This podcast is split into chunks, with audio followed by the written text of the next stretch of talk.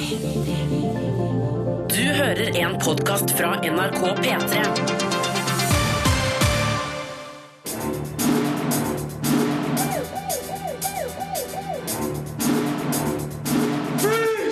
Filmpolitiet!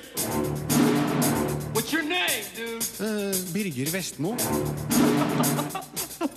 What kind of stupid name is that? Disney-filmen Vaiana er en familievennlig fulltreffer med fengende musikk og fantastisk animasjon. Nyinnspillinga av TV-serien MacGyver er et makkverk. Rings er en litt skuffende og ganske unødvendig grøsser.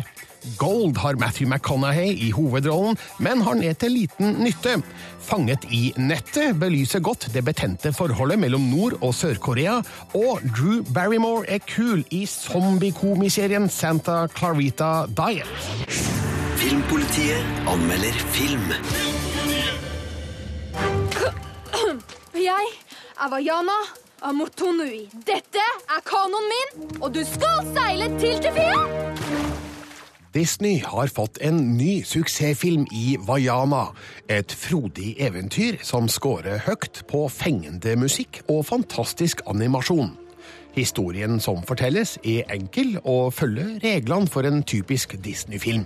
Den underholder stort med godt fortalt spenning i et eksotisk og fargerikt miljø, inspirert av oseanisk kultur, som sjølsagt er blankpolert og disneyfisert for et bredt publikum.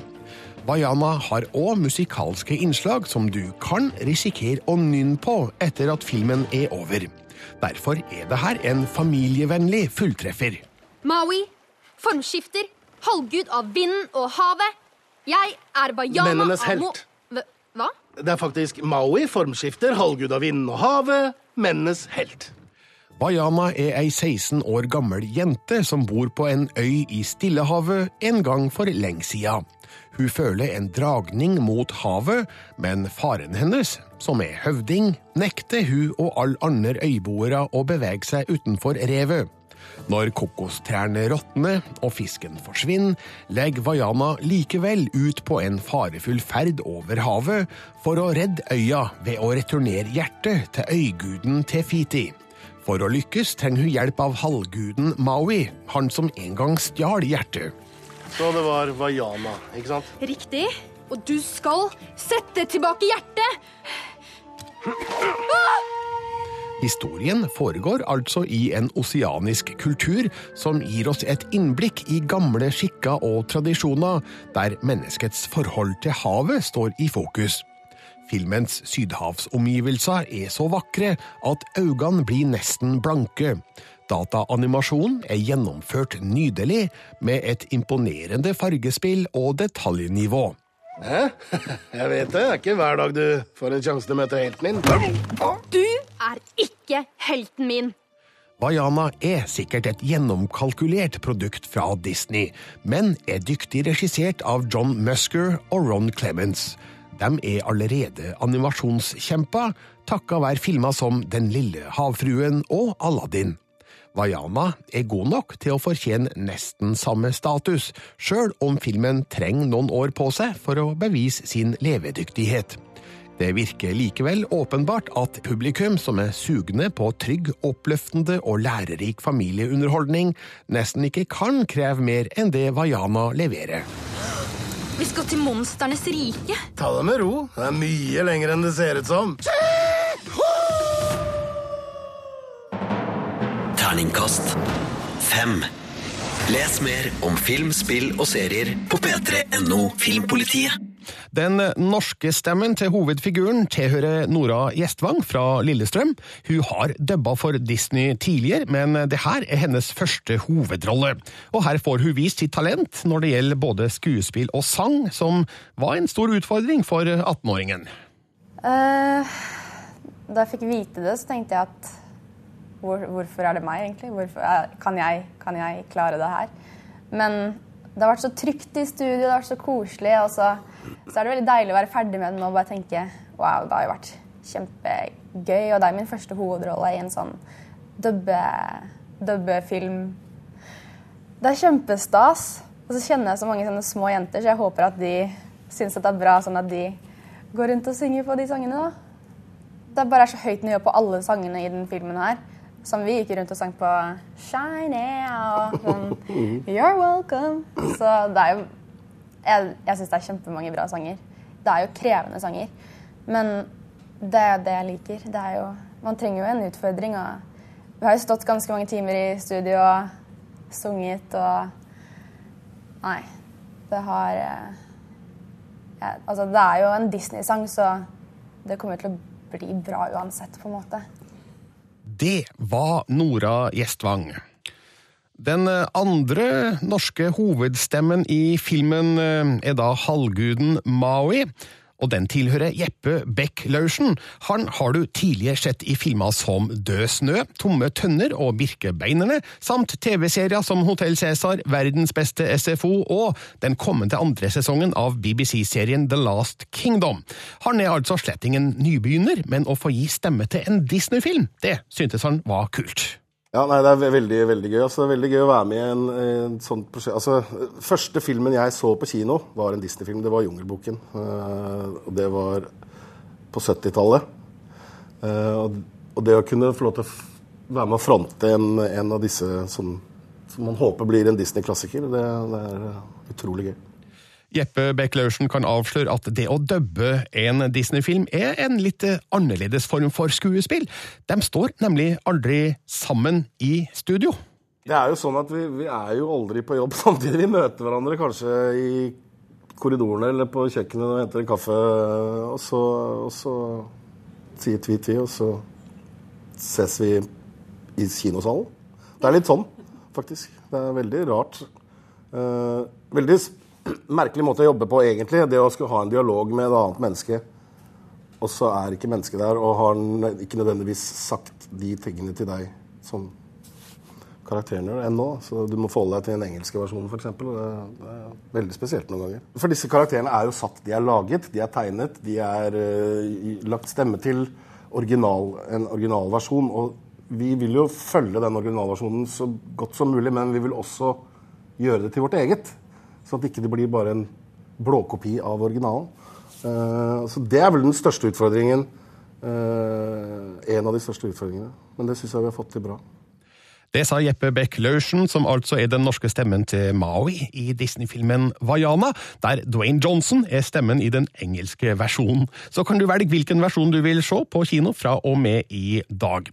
Både Jeppe Beck Laursen og Nora Gjestvang ble intervjua av Kirsti Falk Nilsen. P3. 80-tallshelten MacGyver ble en 90-tallshelt for mange i Norge. Da TV 2 sendte serien om den oppfinnsomme agenten som brukte lommekniv og fysikkeksperiment for å komme seg ut av vanskelige kniper. I de her remake-tida har selvfølgelig også MacGyver blitt vekka til live igjen. Denne gangen i en nyinnspilling med nye skuespillere og nye historier. Kollega Sigurd Vik har sjekka ut om 2017-utgaven fungerer på skjermen. Filmpolitiet anmelder TV-serie. Okay, Mac, it's all you. Are you nervous? No, it's just another Friday. Nyinnspillinga av MacGyver er en tafatt actionserie som gjør lite annet enn å ødelegge den oppfinnsomme actionheltens gode navn og rykte. All karismaen Richard Dean Anderson ga hovedrollefiguren på 80- og 90-tallet, er polert bort i Lucas Tills glatte versjon, og overbevisningskraften originalserien hadde om at lommekniven er mektigere enn sverdet, er skylt bort i denne totalt unødvendige gjenopplivinga. What's plan B? Same as always. Improvise. Sammen med den skyteglade muskelbunten Jack Dalton, spilt av George Eads fra CSI Las Vegas, og den gatesmarte dataeksperten Riley, spilt av Tristin Mace, reiser MacGyver verden rundt for å stoppe terrorister og frigjøre snille folk fra fangenskap. Her er det lite tid til å bygge opp trusler en virkelig bryr seg om, og manusarbeiderne slutter å utvikle alle skurkene idet de har skrevet inn type terrorist og land de kommer fra. Never seen encryption like this before. Whoa, thought you said this MacGyver forlater andre overdrevne krimserier som Bones og CSI på perrongen når det gjelder fiksjonstroverdighet, og drar den strikken ut i parodi. På 30 sekunder har teamets superhacker funnet en forsvunnet terrorist. Alt du trenger å gjøre, er å koble sammen alle verdens kamera og kjøre et ansiktsgjenkjennelsesprogram. Ja da, Fort i svingene er en underdrivelse når denne serien bestemmer seg for å hoppe videre i handlinga. Jeg tåler ganske mye når det gjelder håpløse snarveier, men det her blir bare dumt. Og når fysikkeksperimentene også mangler den kløkten, situasjonsoppbygginga og idérikdommen som gjorde originalserien til en suksess, så har MacGyver anno 2017 veldig lite underholdning å by på. Terningkast to. Sigurd Vik hadde sett de tre første episodene av MacGyver. 13 episoder er så langt ut i USA. Sesongen skal ende på 22 episoder. Den første av dem har premiere på TV2 Sebra i morgen. Tune inn hvis du tør. Filmpolitiet anmelder film. You're not real! You're not real. The Ring fra 2002 var oppriktig skummel. The Ring 2 fra 2005 sleit med oppfølgersyndromet. Nå kommer den tredje, nemlig Rings, og ting har ikke blitt særlig bedre. Den resirkulerer både historien, formgrepene og skremselstaktikken fra de to første, og mangler noe vesentlig, nemlig en hovedrolleinnehaver av Naomi Watts-kaliber, som kun fått oss til å glemme at det her i bunn og grunn er vås. Rings er pent filma og har noen fiffige effekter, men grøssfaktoren er kjedelig lav. Derfor er det her en litt skuffende og ganske unødvendig repetisjon. Second over, my phone rings. And this voice tells me I'm gonna die in seven days. Julia, spilt av Matilda Lutz, får ikke kontakt med kjæresten Holt, spilt av Alex Rowe, og drar til byen der han går på college. Der finner hun ut at en mystisk video er i sirkulasjon på campus. De som ser den, dør på mystisk vis, med mindre de får andre til å se en kopi av filmen innen sju dager. Det viser seg at også Holt er i faresonen, og Julia blir derfor besatt av å finne ut hvem som har laga videoen, og hvorfor. Der kommer historien til en gammel kjenning, nemlig spøkelset av jenta Samara, som fremdeles er ganske arg. You want to know about the girl in the well. Oppbygginga av historien tar åpenbart høyde for at mange ikke har sett de to første filmene. Derfor bruker Rings mye tid på å forklare sammenhenger som allerede er kjent. Mange av spenningssekvensene er veldig like, og dermed ikke altfor spennende. Det opprører ikke meg nevneverdig, siden utgangspunktet for de her filmene uansett ikke er basert på realisme og troverdighet, men gir likevel inntrykk av at regissør F. Javier Gutierrez er fornøyd med å repetere og kopiere. Did you make a copy of it? Did you make a copy? No! I, I... What is going on with you? It's just a story. I've seen it. Det Rings virkelig mangler, er en skuespiller som Naomi Watts. Hun spilte godt i de to første, og gjorde at sjøl den svake toeren var severdig. Rings har bare ukjente Matilda Lutz, som gjør en helt gjennomsnittlig hovedrolle. Rings er ingen krisefilm, sjøl om jeg stiller meg lunken til innholdet. Det går sikkert an å la seg skremme av jump scares, skummel billedbruk og guffen estetikk. Rings bleikner likevel mot den første The Ring og den japanske originalen Ringu. Begynn der og se Rings om du virkelig føler behov for mer av det samme, bare i en mindre skummel og dårligere spilt versjon. Hello?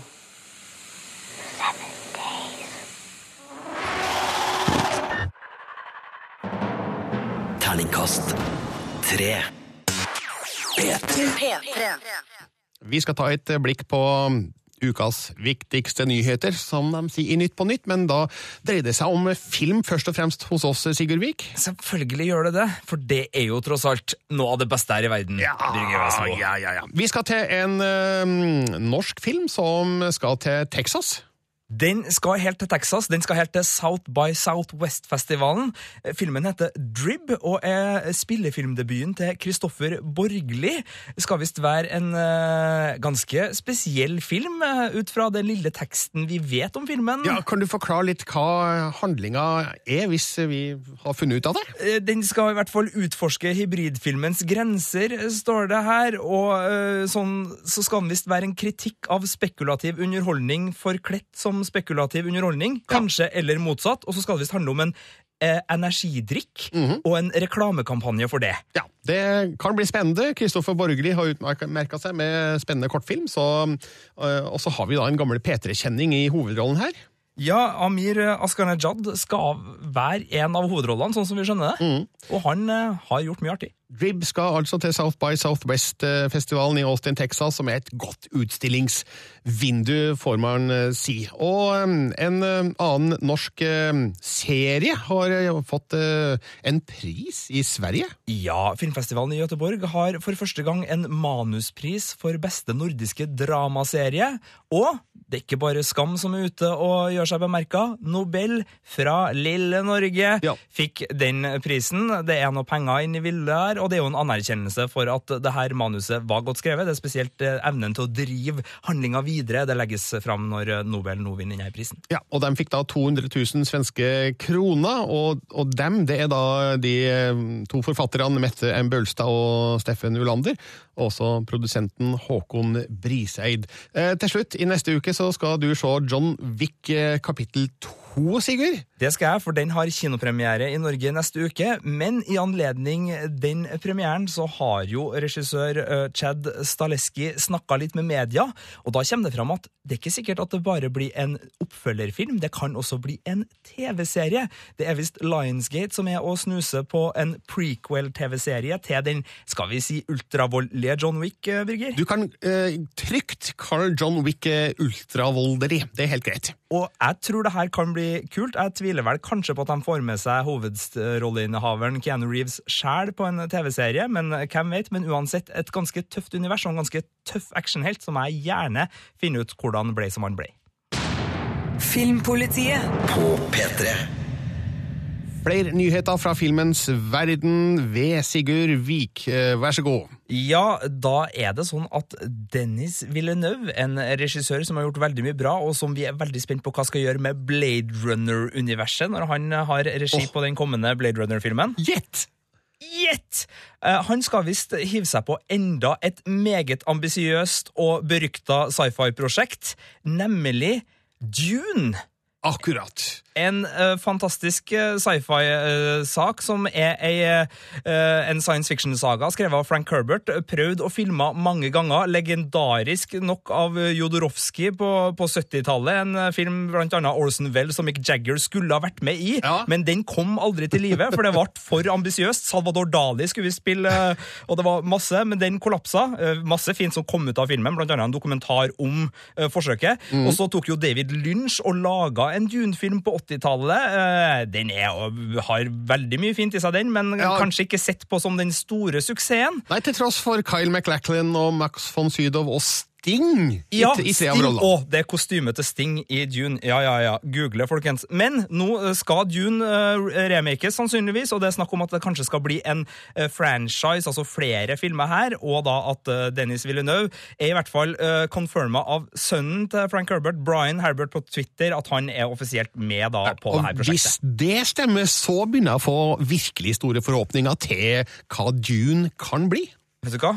Det kan bli helt fantastisk, for det er så mye artig i det, og, og smart i det fiksjonsuniverset, så hvis de tapper ut det her, det kan bli storslagent. Så vet vi ikke hvordan det blir med den nye Batman-filmen, som skal hete The Batman, fordi eh, regissøren eh, Ben Affleck, som også da spiller hovedrollen selvfølgelig, han har gjort hva da, Sigurd? Han har rett og slett bestemt seg for å gjøre noe så ubenaflex som å uh, step down. Altså, han gir seg uh, som regissør. Han sier at 'jeg kan ikke gjøre både hovedrollen og regissørrollen optimalt i dette prosjektet. her. Det er for stort, så jeg velger da å ikke være regissør. Men han skal fremdeles være produsent, medmanusforfatter og uh, Batman. Men jeg syns jo det her er greit, for jeg så jo og anmeldte jo Live by Night, som var forrige Ben Affleck-filmen, der han har både regi, manus og hovedrollen. Og der funka han i hovedrollen, men det skorta litt på regisida, så kanskje det er en eh, mann med begrensninger her, rett og slett. Eh, Bransjebladet Deadline, eller vi må, må vel si bransjenettstedet, for det det det er, Deadline eh, påstår at to av regissørene på shortlista til å ta over er Matt Reeves og Matt Ross. To Matta der, altså. Men av de to, da, hvis det her stemmer, så er det vel Matt Reeves vi kanskje har mest trua på? Ja, han er i hvert fall en eh, meget eh, spennende fyr som kan det med eh, vampyrer, og det er jo flaggermus. Jeg vet ikke, jeg, Birger, er vi inne på noe her? Vi kan være inne på noe, så tida vil vise hva det blir til. Men at The Batman blir, det er vi helt sikre på. Filmpolitiet på P3. Ville historier fra virkeligheten er populære i Hollywood, spesielt når de inneholder både eventyr og en slu finansbransje. I premiereklare Gold er det en fortelling fra det moderne gullgraverlivet som har inspirert regissør Steven Gaggan til å lage spillefilm. Gold anmeldes av Sigurd Vik. Filmpolitiet anmelder film. Kenny, look. We got a gold mine. We got a gold mine. Stjernekraft og jakten på et moderne eldorado klarer ikke å redde Gold fra å bli en forutsigbar og lettvint fortalt film.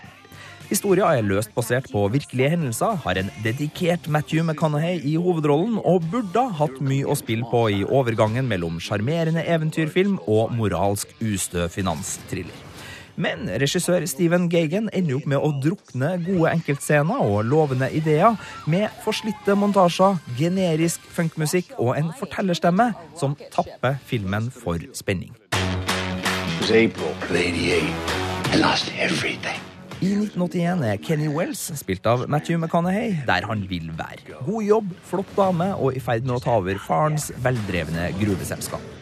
Vi spoler fram sju år. Faren har omkommet, mineralbransjen har elendige tider, og Kenny er en smålubben taper som jobber fra sitt barkrakk-kontor. Men han nekter å gi opp. Konas gullklokke går til pantelåneren, og Kenny drar til Indonesia, hvor han håper geologen og eventyreren Michael Acosta, spilt av Edgar Ramires, kan hjelpe ham å finne gull. It was like I was being called. It was a gold. Filmen tar seg store friheter i forhold til virkeligheten den er basert på. Og da er det skuffende å se et manuskript som har så lite å komme med.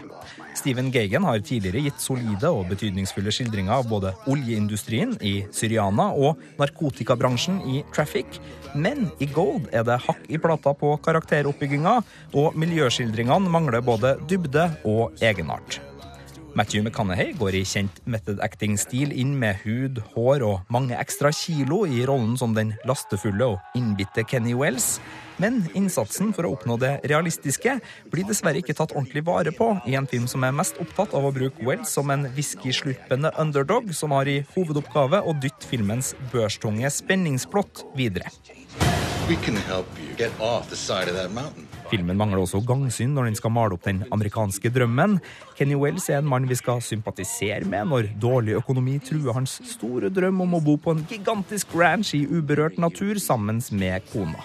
Men det faktum at Wells sin noble kamp for sin del av kaka kommer til å ødelegge livsgrunnlaget og den urørte naturen for en hel stamme i den indonesiske regnskogen, får ikke lov til å ødelegge moroa. Når en filmskaper velger å spille såpass hardt på følelsesladde strenger for den stakkars amerikanske arbeidshelten, er det direkte umusikalsk å ignorere den andre sida av mynten. Terningkast tre. P3. P3. Filmpolitiet anmelder film.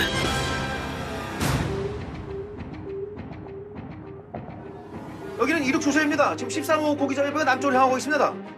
자신남아인지 배고장인지는 멀어서 알 수가 없습니다. 움직이지 마! Det betente forholdet mellom Nord-Korea og Sør-Korea er utgangspunktet for Fanget i nettet, et drama som beskriver godt den paranoide mistenksomheten som gnag på figurer fra begge sider av grensa. Filmen glir nesten over i satire, noe som kanskje kunne vært en god løsning. Men regissør Kiduk Kim velger i stedet å skru til melodramatikken, noe som gir noen mindre heldige utslag. Tematikken er likevel forfriskende original. Fanget i nettet fenger derfor interessen. 배가 고장난 소리 어쩔 수 없이 여기 왔는데. 그래 참으로 간첩 아니야, 요. Nam Shu-wol, spilt av Sung-bom Ryo, lever et godt liv med kone og barn i det sørvestre hjørnet av Nord-Korea. En dag han er ute på fiske, vikler garnet seg inn i propellen. Han får motorstopp og driver over grensa til Sør-Korea. Der blir han øyeblikkelig arrestert av sikkerhetspolitiet, som mistenker han for å være spion og setter han i harde avhør. På nordkoreansk side tror de at Nam Shu-wol har hoppa av, og dermed er han, som filmens tittel sier, fanga i nettet. 독재국가로 다시 보낼 수는 없잖아. 몸이 아주 단단합니다. 특수부대 출신이세요.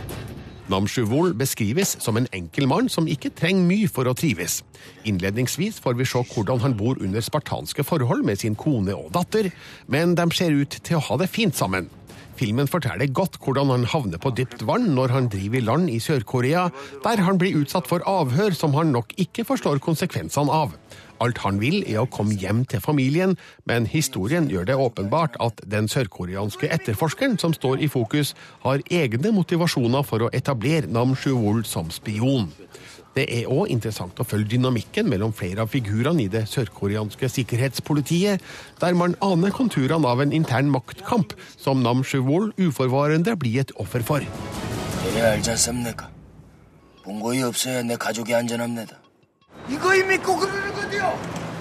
Regissør Kim Duk Kim er ingen ukjent mann for kinogjengere med interesse for koreansk film.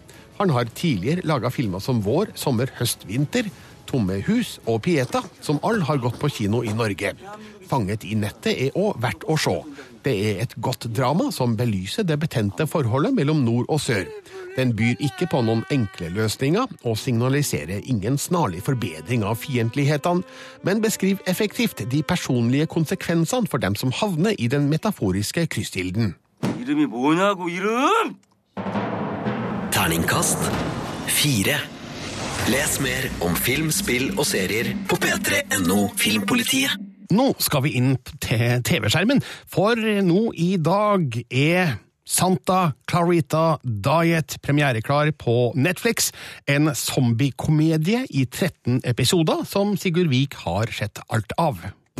Filmpolitiet anmelder TV-serie. She is dead and also undead. zombie? I don't like that word. I think it's inherently negative. I don't like it either. let's not use it. Altså en zombiekomedie, Sigurd? Ja. En zombiekomedie. Det her er på en måte, hvis du tar eh, Frustrerte fruer, hvis du husker den TV-serien Eh, ja. Det er den amerikanske forstaden, og så Mm. kombinerer du, og nå bruker jeg en gammel referanse, men Adams Addams Family, altså eh, type filmer der du har uh, vampyrer eller andre monster som lever hverdagslig. Eh, da har du Santa Clarita Diet. For det her er da en vanlig forstadsfamilie bestående av mor, far og datter. Det er Timothy Olyphant, kjent fra Justified, og Deadwood, som spiller pappa. eh, Joel, og så er det Drew Barrymore, storstjerna kjent fra blant ET, og en haug med filmer som spiller Sheila, eh, som da er mor. Og så skjer det noe med dem eh, ganske tidlig. Jeg skal, kan vel avsløre at mor blir zombie. Ja. Jo, plutselig! ikke sant? Oh. Kjøtteter spyr masse.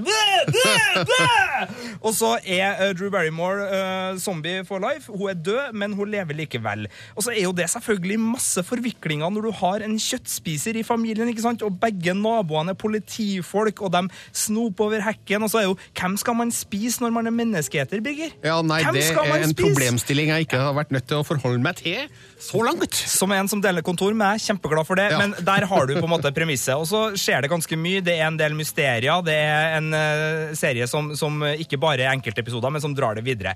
Det som funker veldig bra, er at det her er jo da en serie som bokstavelig talt spiser inn i den mørke amerikanske forstaden og deres hemmeligheter. I heard what you did there. Du hørte hva jeg gjorde der. Altså det, for det er noe med når du sitter og faktisk får en dissekrering, altså en kroppsliggjøring av de her ganske fæle folkene som befolker en forstad. Mm. Det, det er den store styrken. Og så er det også en serie som klarer å ta familiesituasjonen, selv om den har dratt det ut i det latterlige. Klarer å gi eh, relaterbare problemstillinger både mellom mor og datter og ektepar og alt det der. Eh, så er det kanskje et lite problem at det her er en serie som skal få deg til å flire hele tida. Altså Det er sluttpoeng på sluttpoeng på sluttpoeng. Det er som om du har blanda KLM eller eh, Monty Python i en mixmaster og hivd inn alle Parks and Recreation og How I Met Your Mother og alle typer amerikanske komiserier inn i én. Så det blir litt for mye, og alle vitsene er ikke like gode. Men eh, hvis du liker Timothy Olyphant og Drew Barrymore, så er det veldig sånn god selskapsserie som er koselig å se på. Veldig binsjevennlig. Så den har absolutt kvaliteter, men for meg så var det eh, såpass mye av komikken og humoren som ble litt for harmløs og litt for snill og litt for tafatt, til at det ble en sånn skikkelig seriefavoritt. Jeg har et spørsmål. Ok. Eh, siden Santa Clarita Diet er en zombiekomedie, mm -hmm. er det noe særlig med blod og gørr her? Ja, Det er litt blod og gørr, og det er også en del bannskap, så det her er jo Netflix på sitt beste i forhold til at det her er ikke noe sånn nettverkssensurert greie. Så det er litt å ta fatt i. Det er aldri skummelt, nei, men, men det er mye, mye mange sekker med, med kunstblod som har gått bort i det her.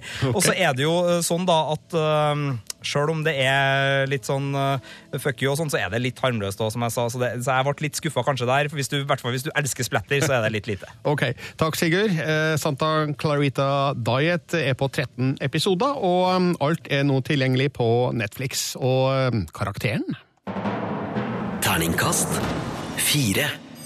Filmpolitiet Does that sound good to you? På P3. Du finner flere podkaster på p3.no podkast.